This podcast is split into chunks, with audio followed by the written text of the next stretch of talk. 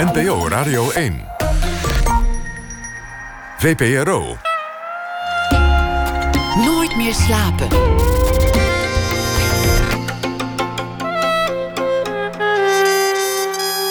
Met Pieter van der Wielen. Goedenacht en welkom bij Nooit meer slapen. Als het aan zijn moeder had gelegen, was hij chirurg geworden, of op zijn minst dokter. En als hij op onderweg nooit in een zijpad was geslagen, was hij nog altijd fotograaf van series en reportages. Hoe het wel is gegaan, Hans Aarsman, die hier tegenover mij zit, is sinds jaar en dag fotodetective. De Sherlock Holmes van de gevoelige plaat.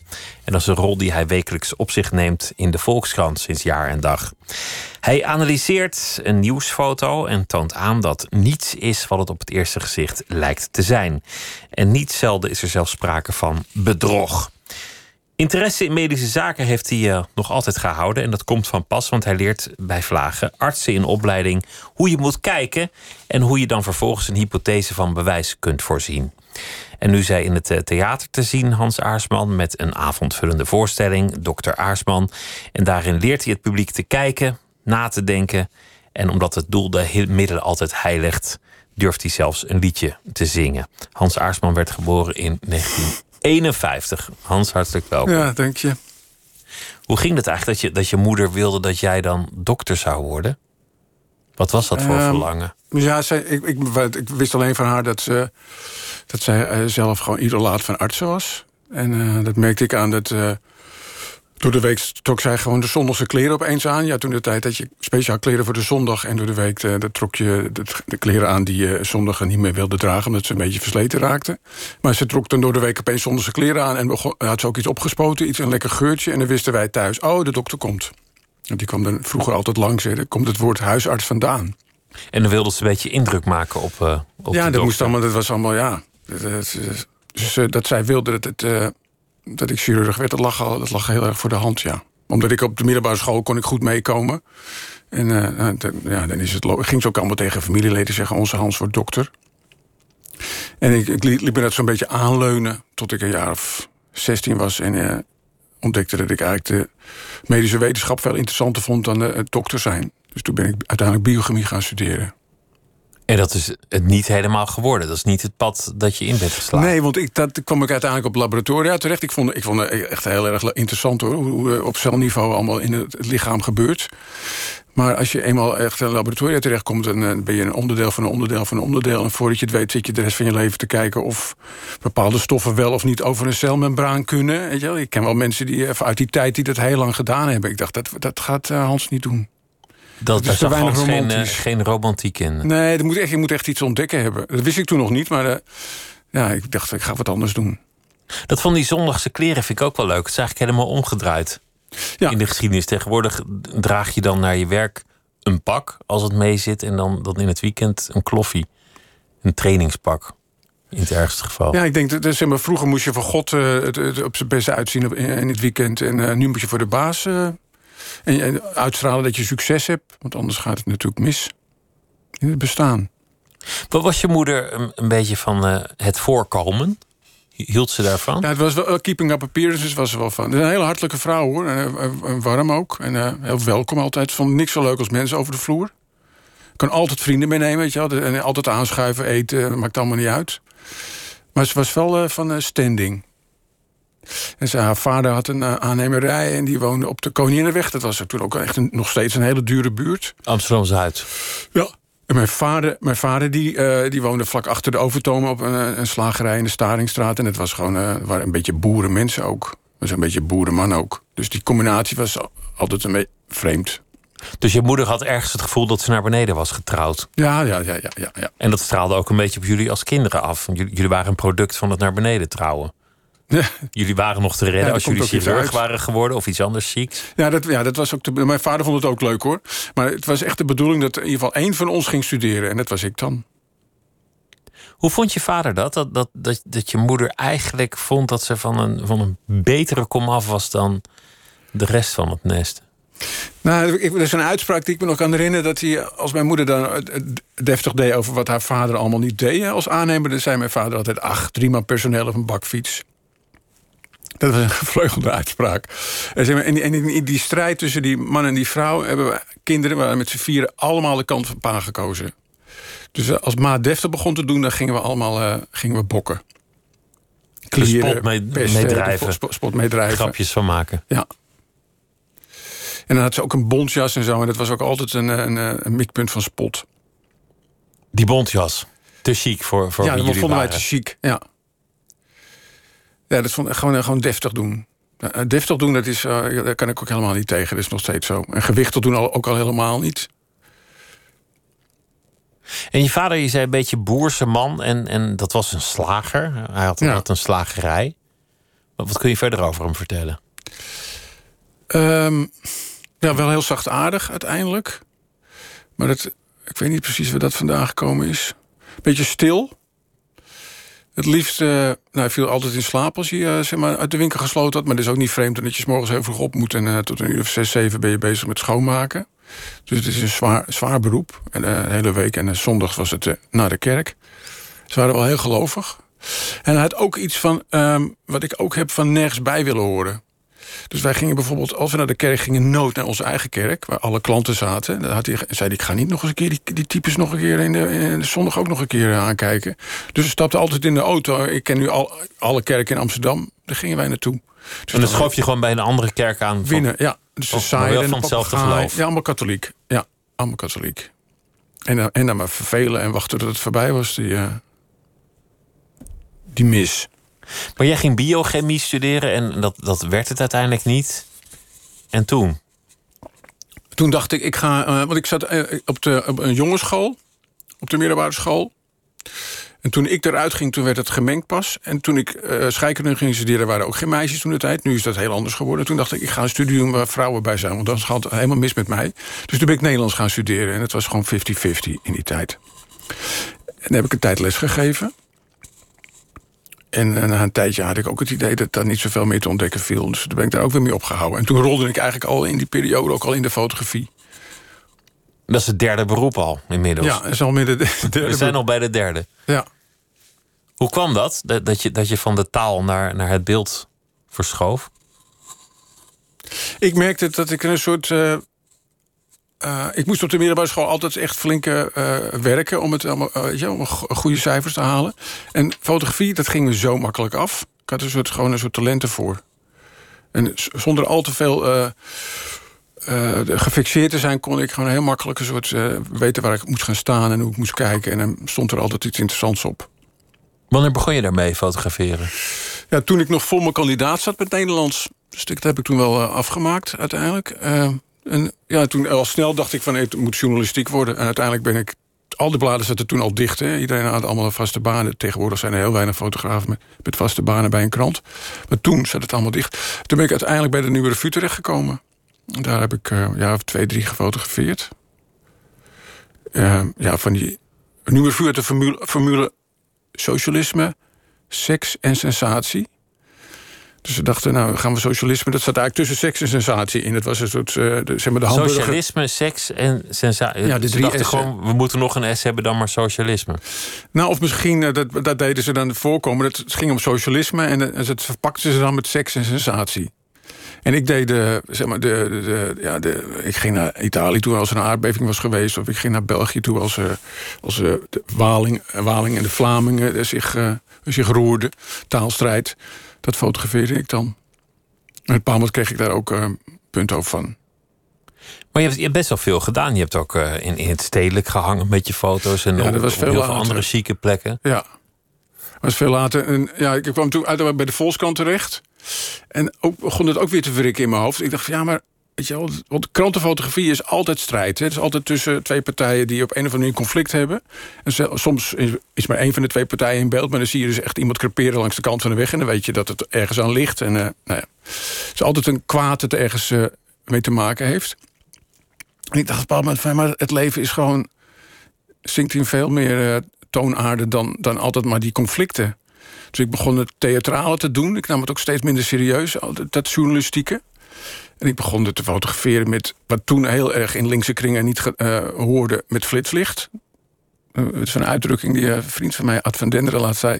zei ja, in die tijd, je kookte liever je negatieve dan, dan dat, je, dat je flitslicht gebruikte. Dus als het zo donker was dat je bijna niet meer op je negatieve kreeg, dan maak je zo, je ontwikkelbad zo heet dat het toch nog wat opkwam. Dan waarom, je, waarom mocht dat eigenlijk niet? Ja, dat was dan, was dan ja, zeg maar de, de, de schoppelingen van de samenleving aan het schrikken maken. En het was ook, gaf ook een gevoel van telegraafachtige persaanwezigheid. Telegraaf die, die flitste wel. Dus ik begon te flitsen en ik begon ook niet meer door mijn lens te kijken. Ik begon echt heel, echt, de camera op onder tafels en tussen mensen door en zo. Ik gokte echt veel meer op het beeld. En voor mij was het altijd een verrassing om te zien wat, met welke, wat er een contact. Ja, het was altijd te spannend. Dat, vond ik, dat was ook een ontdekking. Dat vond ik erg leuk. En dat ging heel goed. Tot een bepaald moment kreeg ik daar ook weer. Ik dacht van, het is wel heel erg uh, nadrukkelijk. Uh, kijk, mij eens uh, raar doen. Dus daar ben ik toen ook weer opgehouden. En toen dacht ik, maar die, zeg maar, die, die veelvuldigheid van het bestaan... die kan ik ook in beeld krijgen door juist op grote afstand te gaan staan... dat je heel veel dingen tegelijk ziet. En toen ben ik op een grote negatief formaat overgegaan. Zo'n technische camera, zo'n grote ding met zo'n zwarte doek over je hoofd. En daar heb ik toen een jaar lang mee door Nederland gereden... in een kampeerauto. En soort landschappen gemaakt. En toen begon ook het schrijven. Toen ben ik ook eh, dagboeken gaan bijhouden. En die kwamen toen in Dagblad Trouw. Had ik gewoon elke week had ik daar een rubriek met één foto en nou. En dat is toen in stedelijk uiteindelijk terechtgekomen. En toen kwam ik in de kunstwereld terecht... waar ik ook weer snel genoeg van kreeg. Nou ja, zo. En zo. En zo slingeren we de heuvel op en, en komen uiteindelijk hier.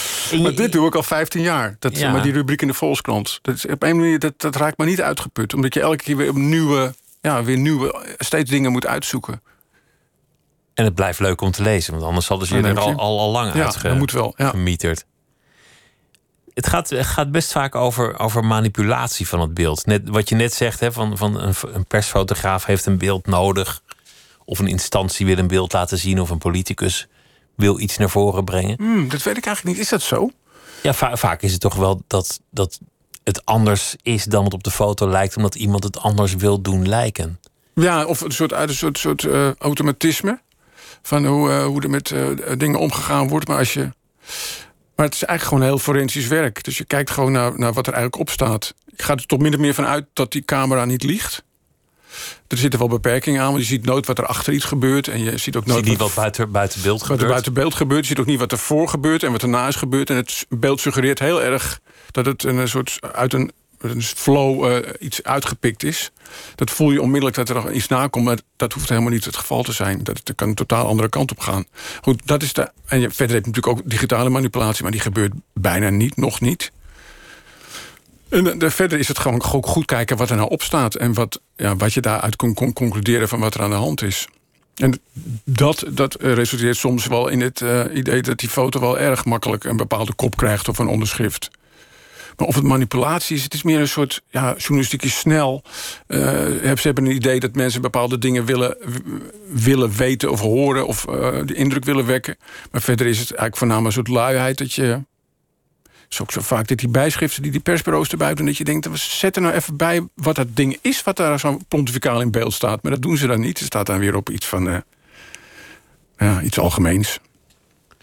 Jij krijgt het gewoon binnen via de persbank, waar een fotoredacteur ook in kijkt. Ja. En jij kiest dan foto's uit van hier kan, hier kan ik lekker op onderzoeken. Ja. En dat zijn er, ja. ja ik zie er zo'n 4000 per dag. En dan ga je met je vergrootglas eroverheen en dan ja, digitaal, nadenken. Ja, digitaal.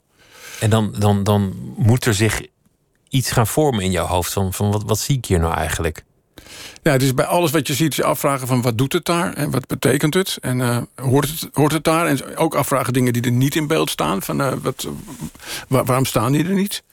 Terwijl je denkt van het hoort er eigenlijk bij. En, dan zo, en ook het is ook heel erg je verplaatsen in de mensen die erop op staan. Dat je denkt bijna van uh, stel dat ik er nou was. Hoe zou het zijn? En dan krijg je ook weer een hele andere blik op die, op die werkelijkheid die je voor je neus hebt. En het is heel veel spelen met aan de foto denken als je hem niet voor je hebt. Dat is ook een heel belangrijk onderdeel. Dus dan ga je ook weer heel andere vragen stellen. Een dag ertussen gooien is ook van belang. Dus dan opent het zich ook vaak dat je denkt... Hé, opeens komt er dan iets eh, binnen wat je niet van tevoren bedenken zou. Je had nu een, een foto van een, een, tunnel in Berlijn... waar, waar daklozen wonen, met, met heel veel huisraad. En, en jij kijkt daar naar en dan, dan kom je tot de conclusie... dat het maar één dakloze is die daar een heel huis van heeft gemaakt met een keuken, en Ja. een slaapkamer en een woonkamer.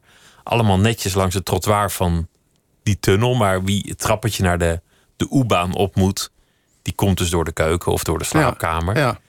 En door op elk detail te letten, zie jij dat hij, dat hij ook uitzet heeft gekregen van mensen die inmiddels niet meer dakloos zijn, of, of op de een of andere manier. En kom je tot de conclusie dat die man waarschijnlijk uit huis is gegooid door zijn vrouw. Althans, dat is een beetje Nou, de hypothese. eh, ja, ja, nee, maar daar is, er zit heel veel graffiti op de muur. En het is eh, even van die, van die tag-achtige graffiti. Hè. Dat is altijd eh, ja, met je namen en een soort vormgeving. Maar opeens zit er ook, staat er ook L plus S is en dan een hartje. En dat, dat, dat past niet bij graffiti. Dat, dat, dat doet de graffiti-artist niet. Dat is niet cool. Dus ik dacht, hé, dat zou hij er zelf wel eens opgespoten kunnen hebben. Of opges- opgeschilderd kunnen hebben. En toen dacht ik, oh, hij, hij is blijkbaar... hij heeft een relatie of hij is verliefd of er iets aan de hand. Dat, dat was het idee. En misschien trekt hij wel binnenkort ergens in... of trekt zij bij hem in. Dat, nou, dat was een... Dat zou een beetje mooi romantisch fantasie, einde ja. zijn. Heb je zelf toen je fotograaf was en nog, nog nieuws maakte met manipulatie van doen gekregen? Dat, dat mensen jou iets vroegen te maken of dat je zelf de neiging kreeg om het beeld mooier of, of toepasselijker te maken? Ehm, ja, het- in, in zoverre dat elk onderwerp waar je naartoe gaat... en wat journalistiek eh, telt... dat het al een vorm van manipulatie is. Ik heb het idee dat de, zeg maar, de journalistieke bril al zo... naar bepaalde dingen kijkt en een heleboel dingen niet ziet. Dat is al een gigantische manipulatie. Dus het oorlogsgebied is in de ene straat en twee straten verderop is het misschien wel rustig. Ja, dat, dat is ook de hele tijd... dat hoor je van iedereen die ermee te maken heeft dat het zo werkt. Dit is bijna ook een soort theater. Ik denk, ik denk dat er heel veel dingen in het leven theater zijn. En die we als werkelijkheid ervaren. Maar manipulatie in de zin van eh, dat je liegt of zo, nee. Dat weigerde jij ook. Ja, dat, maar dat, daar schiet je ook helemaal niks meer op. Nee, dat is gewoon... eh, Dan, dat moet je ook kunnen. Ik, ik, zou ik vind liegen zo ingewikkeld. Het kost zoveel tijd. Je moet het volhouden. Elke keer als iemand erover begint... moet je toch weer het juiste antwoord eh, produceren. Weet je ik ben ermee opgehouden. Ik ga ook niet met de belastingen alle ingewikkelde dingen doen. Gewoon betaald gewoon, want het is het simpelst.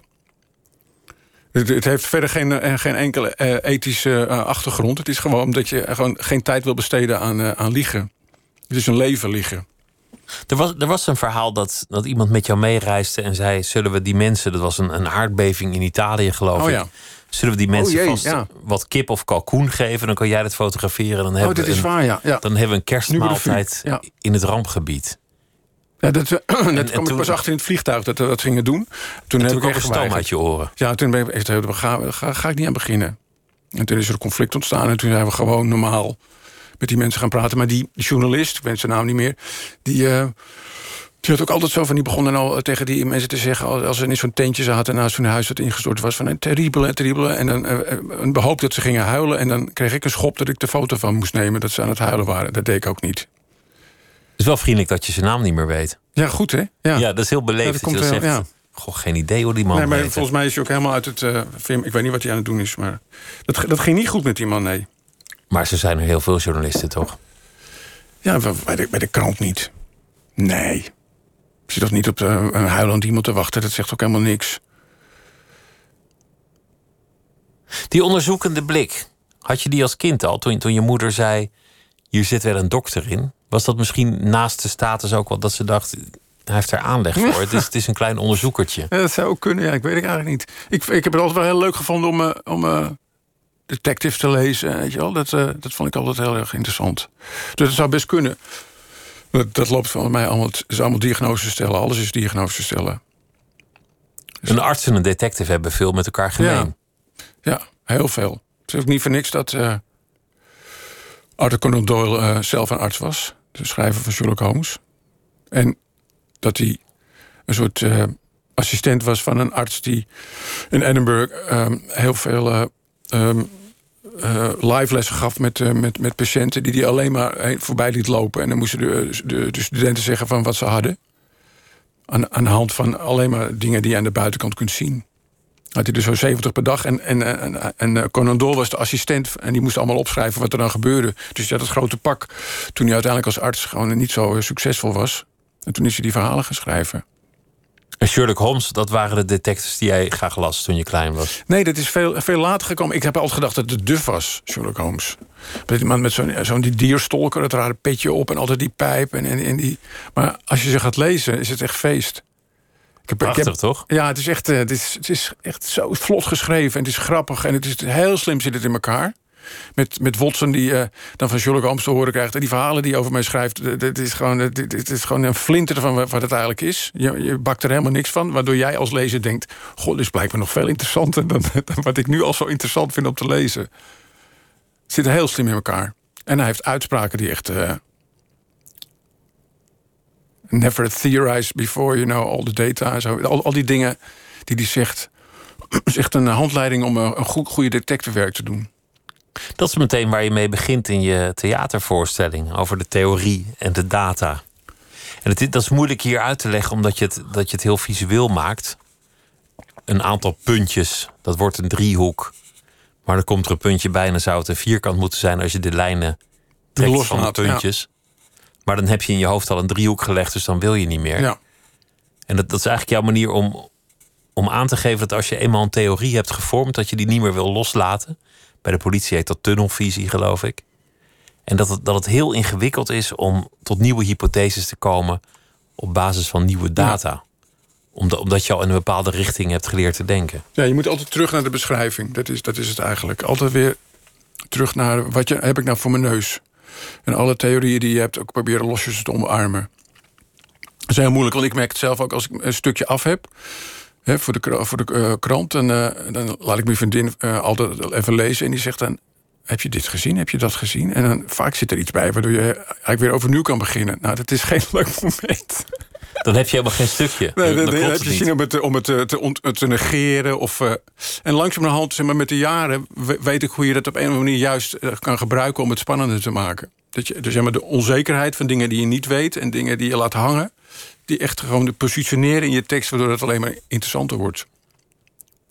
Je gaat ook met de jaren steeds verder. In het begin keek je naar een foto en let je op details, maar inmiddels raadpleeg je ook online, want er is natuurlijk ook steeds meer online te zien. Politiedossiers, lokale nieuwsbronnen. Oh ja. Ga je kijken uh, of het weer inderdaad zo was als het op de foto leek. Je, je doet aanvullend onderzoek ook. Ja, ja, dat, ik zou zonder eh, zonder eh, internet zou ik die hele rubriek niet kunnen maken. En dan kom je bijvoorbeeld tot de conclusie dat, dat wanneer uh, Weinstein zegt dat hij zijn rug heeft beschadigd bij een auto-ongeluk, dat het onwaarschijnlijk is. Omdat hij namelijk een precieze locatie heeft gegeven en jij nergens iets kan vinden in alle politiedossiers die online staan over een auto. En ook niet in de lokale kranten. En het, als er zo'n beroemdheid, ergens een dorpje eh, boven New York... waar hij dan wel mocht komen met zijn enkelband. Hij heeft een soort beperking waar hij mag zijn, maar daar kon hij dan wel komen. En heeft hij een huisje. En daar zou hij dan een hert dat overstak... is hij met zijn Land Rover geloof ik tegen een boom geknald. Die was helemaal totaal los. En toen had hij die rugblessure zogenaamd aan overgehouden. Maar nergens zie je... Dat, dat had dan toch in het suffertje moeten staan, lokaal. Niks. Politiedossiers ook niks. Die zijn altijd openbaar in Amerika, kun je zo opzoeken. Dus dat, dat, uh, dat klopt niet. Dat klopt niet. Nou, dat heb je dan alweer gevonden. Leuk, ja. Maar wat, wat je eigenlijk wil zeggen in jouw voorstelling is: hoe kom je tot de waarheid? Of hoe kom je daar zo dicht mogelijk bij? Wat is eigenlijk kijken? Wat is denken?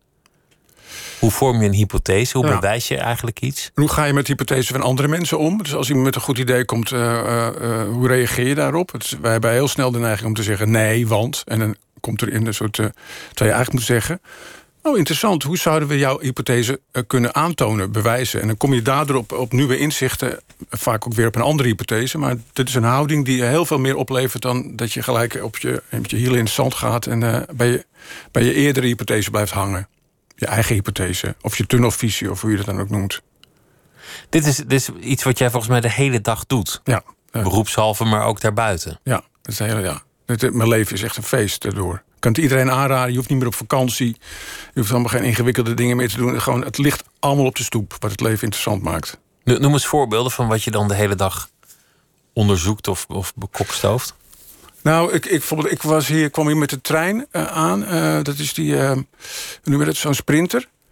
En toen stond ik, moest ik uitstappen bij het mediastation. En toen keek ik zo even naar die, ja, je hebt dan zo'n soort glazen dingetje. En daarachter zit een, een, een rode hendel. En die kun je dan naar voren trekken. En dan gaan de deuren automatisch open als er in een noodsituatie is. Zo'n bordje uit in noodsituatie. En blijkbaar was het wel eens gebeurd.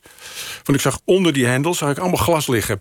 Achter dat glas. Dus allemaal glasscherven. Dus er is iemand geweest die, en het, die, zeg maar, dat glas wordt met zes boutjes wordt het vastgezet. Die heeft dat nieuwe glas erop gezet nadat die noodrem een keer gebruikt was. En dat glas wat eronder lag, gewoon laten liggen. Dat je denkt, het idioot. Dat je dat niet even wegveegt. Nou, daar maak ik dan een fotootje van. En dat weet ik niet, dat ga ik dan wel eens gebruiken ergens voor. Dat is alweer een mooi moment voor jou. Ja, dat is wel, uh, ja. Want je, je had ook een, een anekdote aan dat een, een vriend van jou een nog een rotte adem heeft. Oh ja, ja. Eierlucht komt eruit. Ja, rotte eieren, ja. Rotte eieren. En, en de dokter die, die, eh, ja, die weet het eigenlijk niet. Die gaat een beetje op de automatische piloot. Die volgt het protocol. Maar, maar jij komt tot, tot een hele specifieke conclusie. Hoe, hoe, ging het ook alweer? Nou, de rotte eieren, dat is eh, eh, H2S. Dat weten we nog van de, van de middelbare school. En H2S, dat zit geen zuurstof in. Want het is O. Hè. Zou er bijvoorbeeld H2SO moeten zijn of wat dan ook. En ehm, dat is heel raar, want als er een bacterie... want het is natuurlijk een bacterie in je longen zit... die die stank veroorzaakt... dan uh, verbrandt hij dus uh, de voedsel wat hij, wat hij opneemt uit jouw systeem... verbrandt hij niet met zuurstof. Anders zouden zuurstofatomen in het, het, restproduct moeten zitten. Dat is die rotte lucht die je uit, uitademt. Dus er zitten bacteriën in je longen... waar het barst van de zuurstof... Waar geen, uh, die niet zuurstof gebruiken. Het, zijn, het is een bepaald type bacteriën, anaerobe bacteriën he, heten die. Dus dat zijn niet zuurstofgebruikende bacteriën. Maar het is raar dat die in de longen zitten. Toen dacht ik, nou, dan is het heel makkelijk om dat op te zoeken. Er, moet, dat, er zullen geen tien soorten bacteriën zijn. Dus ik kijk even op internet. Er blijkt één type bacterie te zijn. Plus stond ook bij welke penicilline je moet gebruiken. Amoxicilline clavellaanzuur. En dan, uh, dan, dan ben je er vanaf. En, maar die huisarts die was uh, met allerlei onderzoekjes, zo, met, zelfs met uh, kweekjes. En zo anderhalve maand later, ik was er echt na een uur achter... anderhalve maand later krijgt dus die vriend van mij te horen... dat hij uh, moxicilline na, na drie, twee breed spectrum antibiotica die, niet werkte... krijgt hij uiteindelijk te horen in anderhalve maand... dat hij hetzelfde moet slikken als waar ik mee kwam. En het gaat mij niet om, om de, dat ik een dokter te slim af ben. Ik vind ook helemaal niet dat iedereen op internet moet gaan zoeken... en, en zijn arts een beetje links en rechts gaat inhalen. Maar het gaat om dat als je in de protocol zit... dat je dan dus het feit van die, die stinkende adem... dat je dat dan niet hoort. Omdat je al met je af. protocol bezig je bent. Het protocol dicteert welke vragen je stelt en waar je op moet letten. En als je in het protocol zit, dan ben je braaf het protocol aan het volgen... en je associatieve vermogen en inventiviteit staan gewoon uit. En dat is, vind ik, het grote nadeel van het protocol. Uh, niet als je een auto start, is heel handig om te bedenken... dat je dan eerst uh, je koppeling moet indrukken en dan pas starten. is allemaal oké. Okay. En als je met een geweer gaat schieten in het leger... moet je ook allemaal protocollen doen, dat je elkaar ook niet voor de kop schiet. Maar als je iets wil ontdekken, een diagnose stellen... moet je niet met protocollen werken. Dan moet je scherp zijn, wakker. Ja, dan moet, dan moet, je je intuïtie gebruiken... die je als arts gewoon jarenlang... Uh, alle ervaringen die je hebt, dat, dat, is samengebald in iets in je hoofd. En dat, dat kun je niet zomaar dat moet je niet zomaar passeren door gewoon als behalve robots een protocol af, af te lopen. En je geeft inmiddels ook lessen aan, aan eerstejaars. Uh, ja, nou, het, het, zijn, het zijn, ze zijn wat verder gevorderd. Ja, ze zijn meestal uh, co-assistenten of uh, ze zijn al aan het specialiseren ook. Oh, ze mogen zich al dokter noemen ja. inmiddels. En hoe doe je dat dan? Wat leer je ze dan precies? Nou, ik, het, de, de hele truc is met een aantal mensen doe ik het. De, de, hele truc is dat je zeg maar, de, de, de, lol van het diagnosticeren... dat je die weer uh, aanzet. Hè? Want dat, is, dat verlies je dan ook als je met een protocol... want jij bent niet degene die het bedacht hebt. En het is altijd leuk, daarom doe je het. Uh, dat je het uit de medische wereld trekt. Dus je zegt, nou, hier hebben we een aantal dingen. Stel er maar een diagnose op, maar het is dan niet iets me medisch. Dus bijvoorbeeld, ik doe dan... Wat, en ik, ik heb een hele grote verzameling verfvlekken. Weet je, dat, wat er gebeurt als je vijf liter verf bij de gamma haalt... en je hangt het aan je stuur van je fiets en de flats, dat ligt er opeens op de op het asfalt. En dat, zeg maar, die eerste flatsch, wat, daar kun je allerlei dingen aan aflezen aan het spettenpatroon. Je kunt aflezen hoe hoog het stuur was. Je kunt aflezen hoeveel liter verf erin zat. Je kunt aflezen welke snelheid de fiets had. Of je voor of achteruit reed. Kun je allemaal zien aan het spettenpatroon eromheen. En vervolgens krijg je nog het uitrijpatroon. Dat is echt heel interessant. Dat, dat, dat zie je wel eens op meestal bruggetjes, maar ja. soms parkeerterreinen van bouwmarkten. Dan ligt er ineens een enorme ja. klodder latex of ja. verf.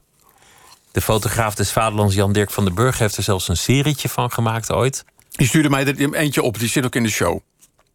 Hij, Jan, Jan Dirk maar, van den maar, Burg. Maar jij gaat verder, want jij kijkt dan van, van welke kant kwam die? hoe is die verf op de grond gekomen? Wat is er misgegaan? Is die uit balans geraakt? Waar kwam die eigenlijk vandaan? Had hij misschien meer verf aan het stuur hangen? Welke route heeft deze verfles afgelegd? Ja, en, en ook, je ziet er bijvoorbeeld vaak ook cirkels na die grote... eh, Zeg maar, wat ik altijd de moedervlek noem, de eerste flatch. Zie je allemaal cirkels daarna doorgestempeld worden. Eén kant op, waar niet die andere kant op. Waar, hoe ontstaan die cirkels überhaupt? Nou, dat, kun je allemaal afvragen. Daar kan je uren mee zoet. Ja, en dat doen die artsen dan ook. In het begin zeggen ze, wat heeft het nou met diagnosticeren te maken? Ik zeg, nou ja, het is, ligt gewoon een patiënt. Zeg maar wat de toedracht is. Ja, ja, ja. En dan, en dan begint het. En het allemaal om te leren met een open blik te kijken en zo tot een hypothese te Ja, nu hebben ze bij de Radboud hebben ze zelfs een eh, Facebookgroep die elkaar, eh, artsen die elkaar ver- verfvlekken opsturen die ze onderweg vinden. Dat is toch gillen? Fantastisch. Je, je, je zingt ook, omdat, omdat je hebt geleerd dat mensen het beter onthouden wat je wil zeggen wanneer het voor ze gezongen wordt. En dat is op de, op de wijs van Charles Aznavour, van, van haar grote hit She. Maar, maar jij zingt, eh, hoe kan deze hypothese worden bewezen? Ja. Dat is de vraag voor iedere hypo- hypothese. Hoe kan die worden bewezen? Dus dat je niet zegt als iemand met een goed idee komt... nee, want en, enzovoorts. Hè, dat je dus in je eigen theorie blijft hangen. Maar je gaat gewoon mee en je zegt... oké, stel dat die klopt eh, waar jij mee komt... hoe kan je je hypothese bewijzen? En dan kom je vaak op, op nieuwe inzichten... die zelfs die hypothese ook kunnen bevestigen... of kunnen passeren en op, op, en op een nieuw inzicht terechtkomen. Daar gaat het lied over. En ik merk heel vaak na de voorstelling... dan kom ik in de foyer, vind ik altijd leuk om met mensen te praten... in afloop. En die zeggen ze, ja, een leuke voorstelling... en eh, er komt heel veel eh, komt er voorbij... maar wat was nou ook alweer de kern van het geheel? En, nou, en daarom zing ik dan met de zaal... zingen we dat, eh, dat lied. En dan, dan zit het erin, hopelijk. Het is moedig. We hebben de versie niet van Hans Aarsman, maar het origineel van Joe Asnavour. En eh, dat was zijn grote hit, She.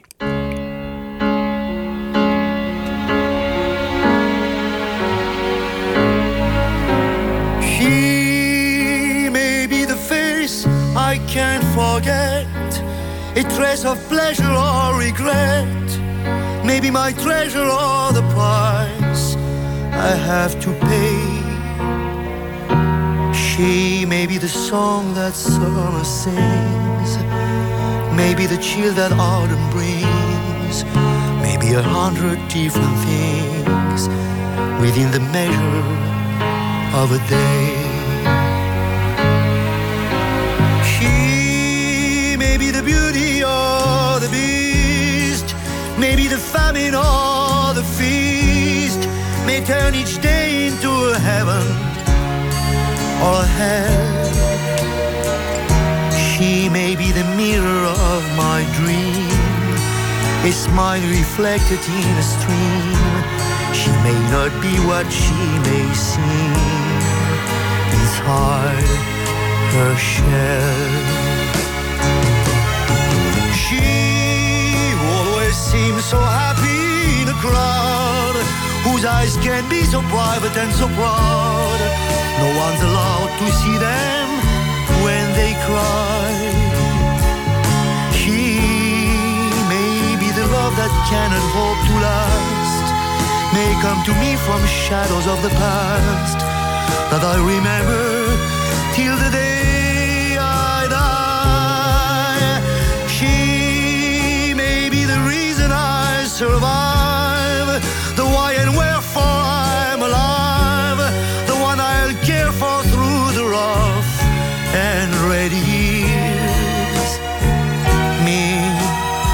take her laughter and her tears and make them all my souvenirs. For where she goes, I've got to be. The meaning of my life is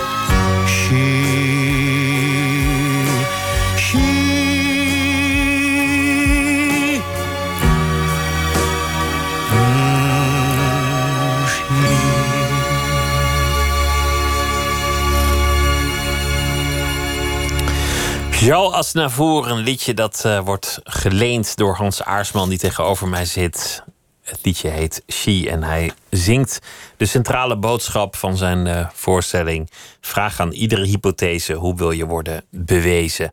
En Hans Aarsman die, eh, is fotodetectieve onder meer. Hij begon ooit als, aspirant arts ehm, biochemie te studeren, maar dat werd al vrij snel Nederlands. Stond voor de klas, dacht toch maar journalistiek, dat werd fotografie. En van de nieuwsfotografie werd het meer abstract kunstfotografie. Maar ook dat raakte hij zat. En toen ging hij meer schrijven en via het schrijven kwam hij eh, terecht in deze niche waar hij nu al geruime tijd in opereert. En die je voor de verandering nog niet zat bent. Ja. Er komt niet zo gauw een hele nieuwe wending aan, of wel? Nee, het breidt zich uit. Dus met, zeg maar, met die artsen, die cursussen die ik dan geef in het diagnosticeren. En uh, met de politie, cold cases. Uh, ja, er zitten zit steeds meer dingen komen erbij. En um, ook het hele, wat ik ook heel erg interessant vind, als je met een groep mensen uh, van een verschillende achtergronden rond één centraal thema zit. Het kan een moord zijn geweest die 30 jaar geleden heeft plaatsgevonden, maar ook een maatschappelijke kwestie. Dat je dan, als je dan ook weer die goede vragen stelt, hè, dus dat je niet zegt nee, want. Als iemand met een goed idee komt, of met een idee komt, maar je zegt: Oké, uh, misschien een beetje een raar scenario, maar hoe zouden we het kunnen aantonen? Dan ontstaat er gewoon binnen twee uur tijd iets geniaals. Ik heb het zo vaak meegemaakt al. Hoe gaat het dan? Noem eens een voorbeeld.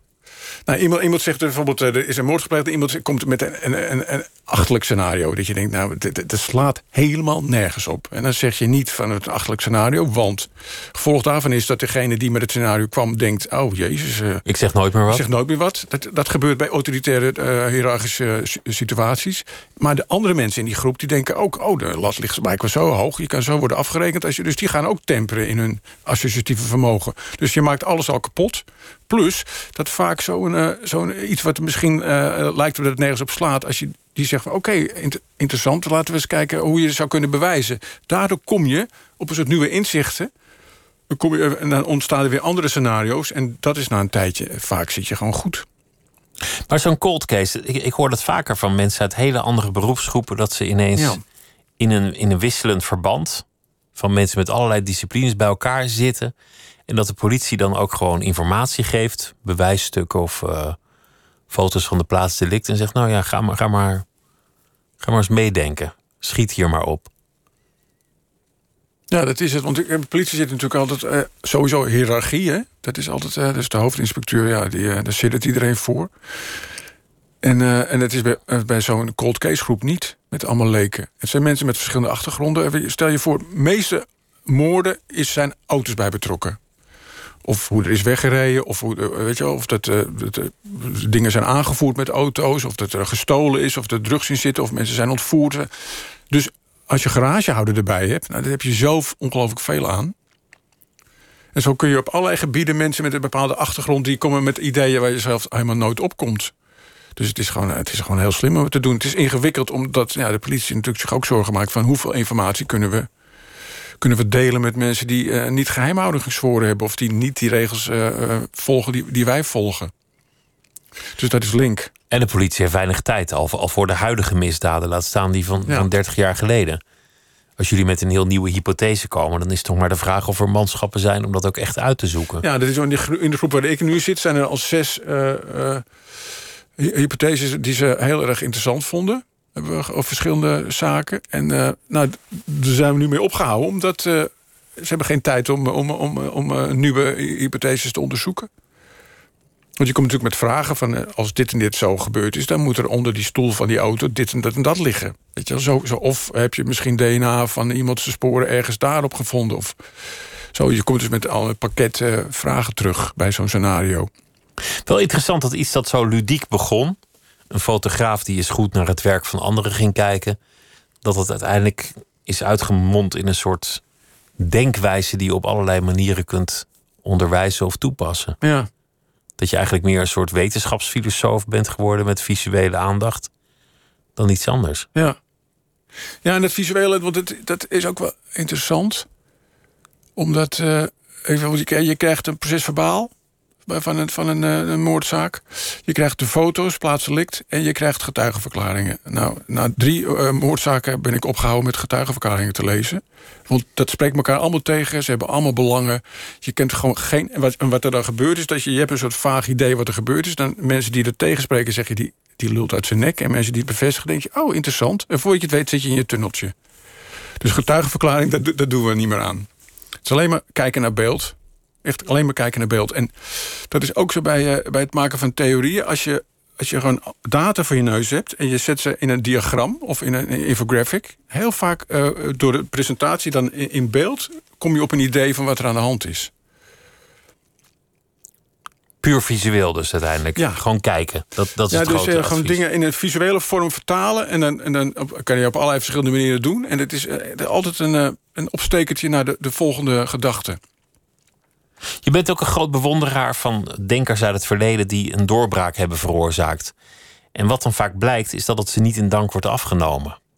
Als jij Ja. een, een, je, je haalt een aantal artsen aan uit de, de 19e eeuw, die dan bijvoorbeeld ontdekken hoe het echt zit met de verspreiding van cholera. Maar, maar die worden niet meteen op handen gedragen. Integendeel. Nee, alles behalve zelfs, ja. De goede gemeente denkt als jij met iets nieuws komt, wat lastig, wat vervelend. Ja, er is ook eentje, eh, de, wat ik de meest interessante vind, is Semmelweis. Die eh, iets eh, vond wat de oorzaak was van al die kraamvrouwenkoorts... die in de 19e eeuw eh 10% van de vrouwen die bevielen... die kregen kraamvrouwenkoorts. En dat is een vreselijke ziekte. Je ontbindt gewoon min of meer levend. Dan ga je echt naar lijk stinken, terwijl je nog leeft. En die, die ontdekte van wat de oorzaak was. En die hebben ze gewoon in een gekkenhuis gestopt. Die is daar overleden. En eh 20, 30 jaar later is er gewoon duidelijk geworden... dat hij eh, vreselijk gelijk had. Maar in een gekkenhuis gestopt omdat hij, dat hij het aanzien van de arts had aangetast. Ja, door ze te zeggen die- dat ze vieze handen hadden. Ja, die artsen, die artsen die gingen dan eerst in de snijzaal... en begonnen ze vrolijk allemaal in lijken te snijden... en vervolgens gingen ze die vrouwen onderzoeken. En dat lijkenvocht, dat, dat, dat is eigenlijk de, de, de trigger van, eh van vrou- kraamvrouwenkoorts. Wisten ze toen nog niet. Ze hadden überhaupt nog geen idee van wat een bacterie kon doen.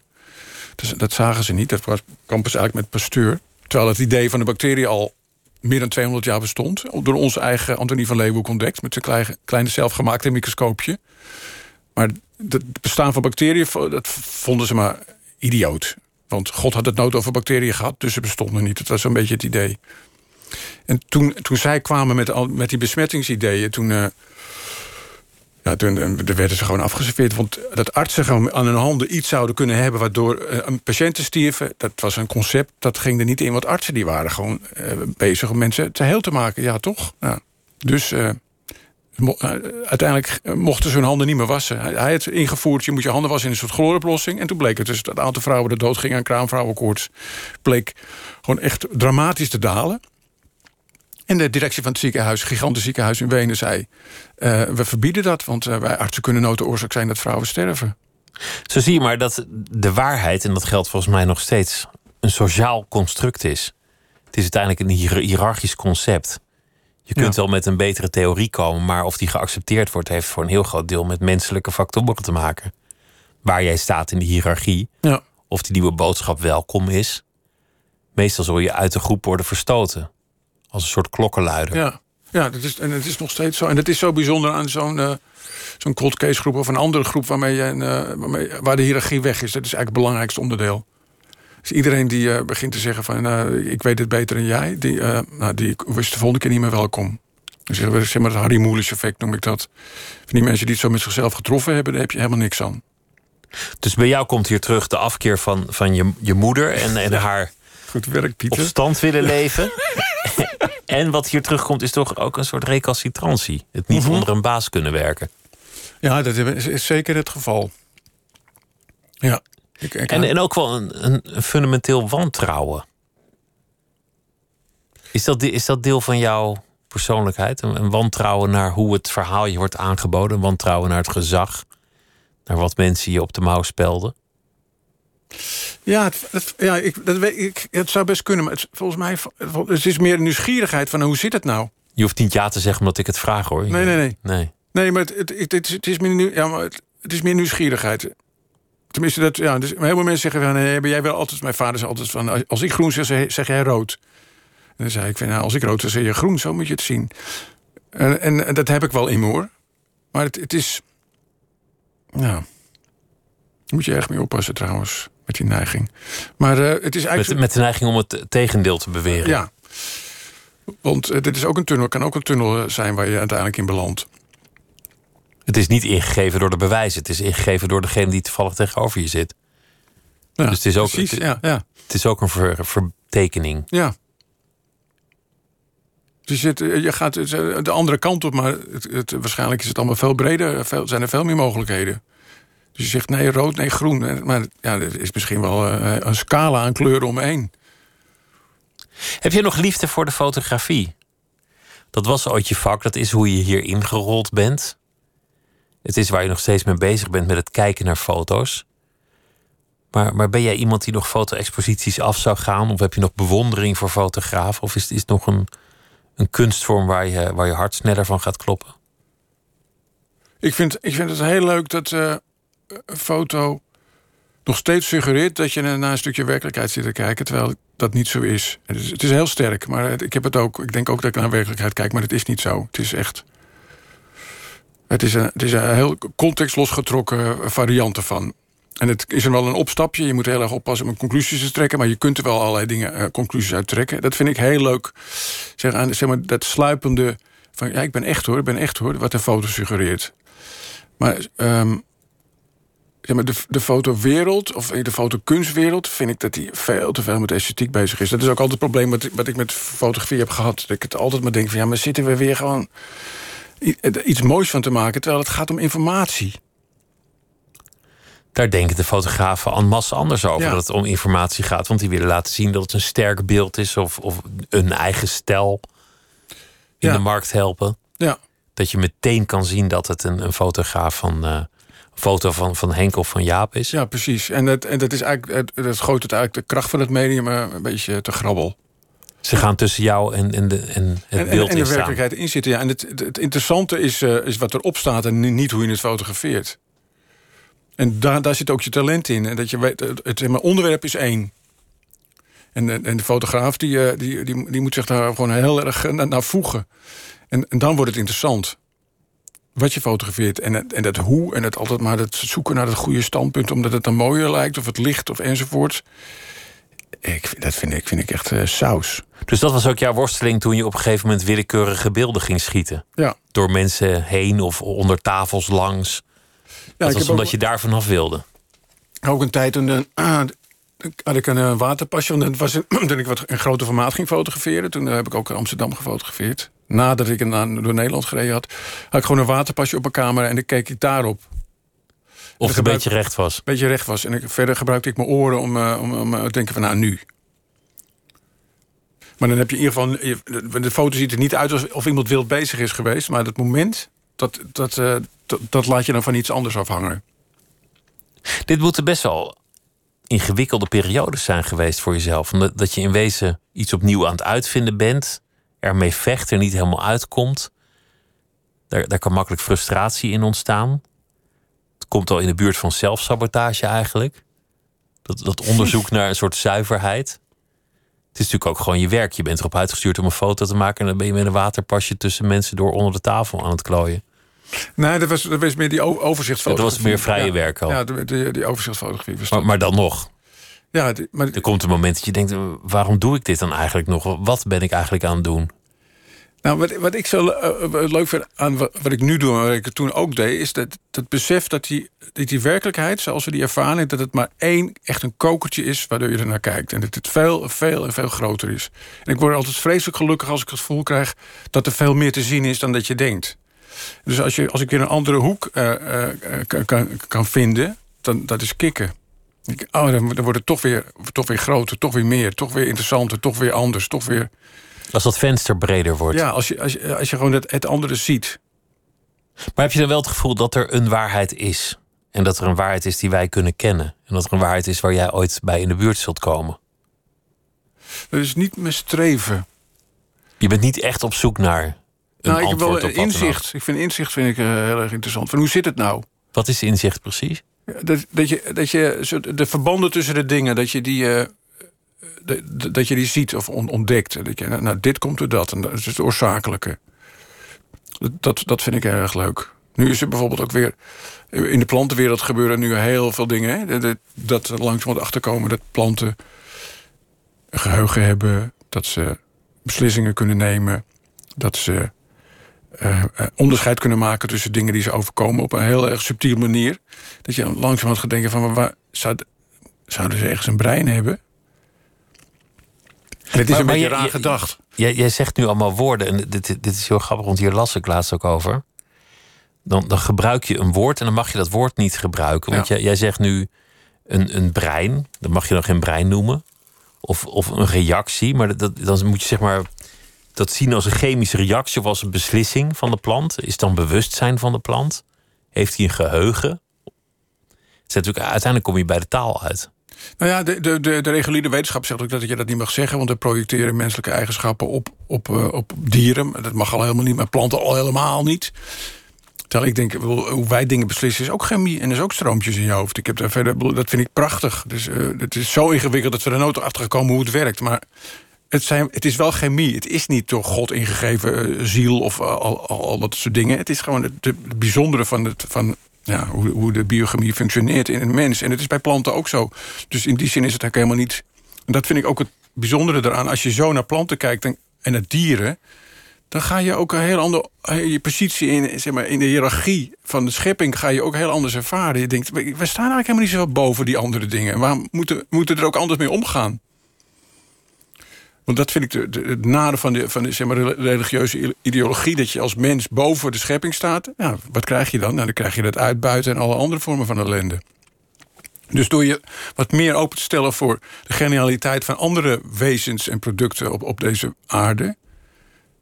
Ja, daar ben ik op zich beter voor. met die schepping. Maar als jij dan nu ook nog een geheugen aan planten toe gaat kennen, dan, dan binnen de kortste keer heb je nog een nieuwe klasse vegans van wie je alleen maar Ja. karton mag eten. En misschien zelfs dat niet eens. Nee, dat, ja, nee maar zover wil ik het ook, ook niet trekken. Dus, dus laten we ergens is- een grens trekken van oké, sorry, lullig voor de rest, maar we moeten eten.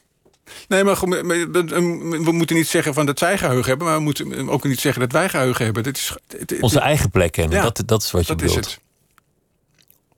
Het is wel interessant. En dit zijn allemaal soorten vragen die je ook met gemak gek zouden kunnen maken.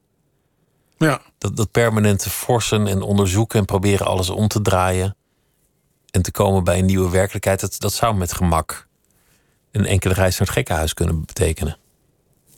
Ja. Ja, knap hè. Dat heb ik echt even gelast Bij, jou zit er een soort vrolijkheid Ja, ook ik vind het ontzettend leuk. Ik vind het, ja. Ik word er heel vrolijk van als ik dan weer zo, eh, zoiets eh, ontdekt heb of gelezen heb. Ik denk, oh shit, kun je, als je er zo naar kijkt, dan werkt het zo. Het, het leven is zo ongelooflijk. eh, wat, wat zegt Tolstoy ook het alweer? Kunst is eh, de stilstaan bij de raadselachtigheid van het bestaan. Je, je gaat ook tegenwoordig naar musea, wederom met artsen in opleiding. En dan proberen jullie diagnoses te stellen aan de hand van 17e-eeuwse portretten.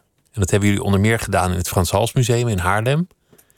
En dan kun je dus aan de hand van die portretten kijken wat iemand mankeerde. Ja. En je, je vertelde bijvoorbeeld ook dat de Mona Lisa inmiddels een diagnose heeft. Ja, Mona Lisa die is een paar maanden nadat de schilderij gemaakt is, is, is zij gestorven aan een, aan een eh, cholesterolziekte. Een hele heftige eh, eh, cholesterolziekte. En dat kon je zien aan een buisje dat in de, in de ooghoek zit. En dat heb je alleen daar als je, als je die ziekte hebt. En het is, het is niet door mij zo geconstateerd, maar door echt officiële artsen zo geconstateerd. Die zagen aan dat oog een soort zwelling en dat duidde op cholesterol. En ze is ook inderdaad doodgegaan aan een daarmee samenhangende Dat weten we niet, maar ze is daar vlak daarna gestorven. Ja. Na, na de, de opname van de Mona Lisa. Nadat die foto genomen van haar is. En jullie ontdekten in Haarlem een geval van huiselijk geweld. Dat was ook een heel grappig Ja. verhaal. Er was een vrouw en die had, eh, die had eh, ehm, op haar wangen... veel van die vrouwen bij Frans Hals die hebben een soort rode wangen. Dat kan zijn dat ze misschien gedronken hebben... of dat het eh, een soort mode was. Of, eh, maar de vrouwen van, eh, die, die, zeiden, die ook in die groep zaten... die zeiden, oh, misschien zijn ze in de overgang. Kan ook nog, hè. En dan heb je ook wel eens een keer van die hogere temperaturen. Maar er was ook één rode plek, die was duidelijk een klap geweest. En die zat op haar ehm, rechterwang. En als je iemand tegenover je een klap geeft, hè, dan komt hij op je linkerwang te zitten. Als je met rechts een klap geeft, komt die klap aan op je linkerwang. Dus die vrouw is met links geslagen door iemand die met links sloeg. Bleek dus ook dat er een portret van haar echtgenoot gemaakt was. En die had eh, zijn rechterhand, dat was helemaal van de atrose, was het helemaal kromgetrokken. Dat lag als een dood vogeltje op een, op een stoelleuning. En zijn linkerhand, daar had hij zijn handschoenen in, die deed het nog. Dus waarschijnlijk kwam daar die klap vandaan. Nou, dat lijkt me een, een zeer ronde hypothese. Ja, ik zeg geen spel tussen te krijgen. In die wereld van de kunst doen ze ook niet anders dan, dan concluderen of het wel of niet een Rembrandt is, of, of wel of niet van een andere schilder. En in welk jaar die het gemaakt heeft, of het overgeschilderd is. Ja. En heel veel daarvan, dat zijn ook aannames.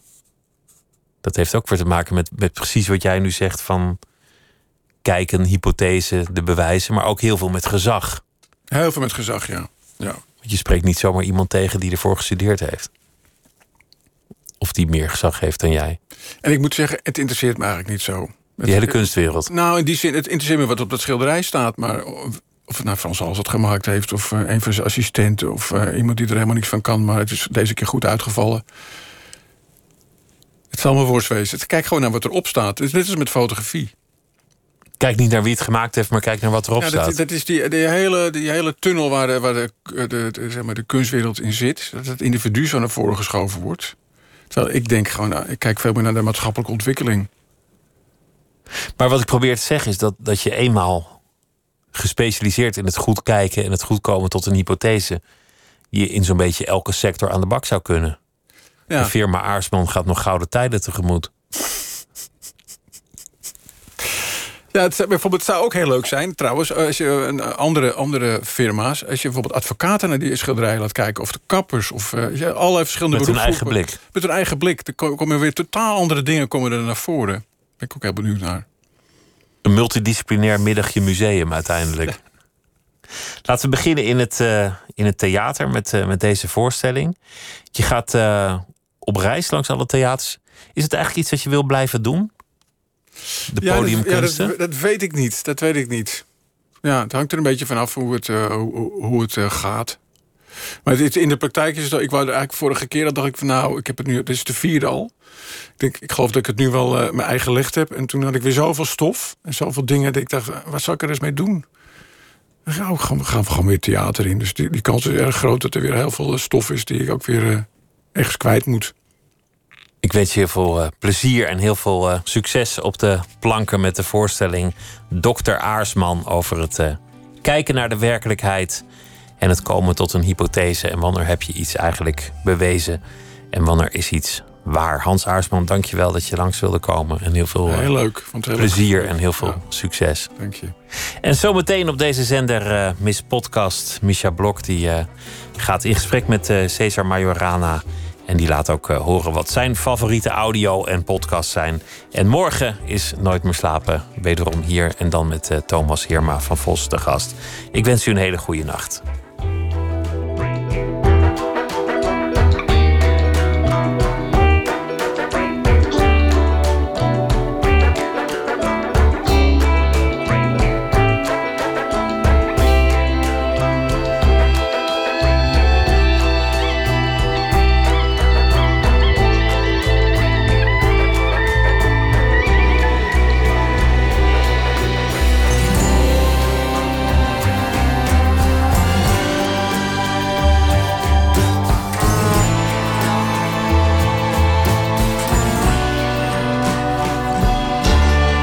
Radio 1. Het nieuws van alle kanten.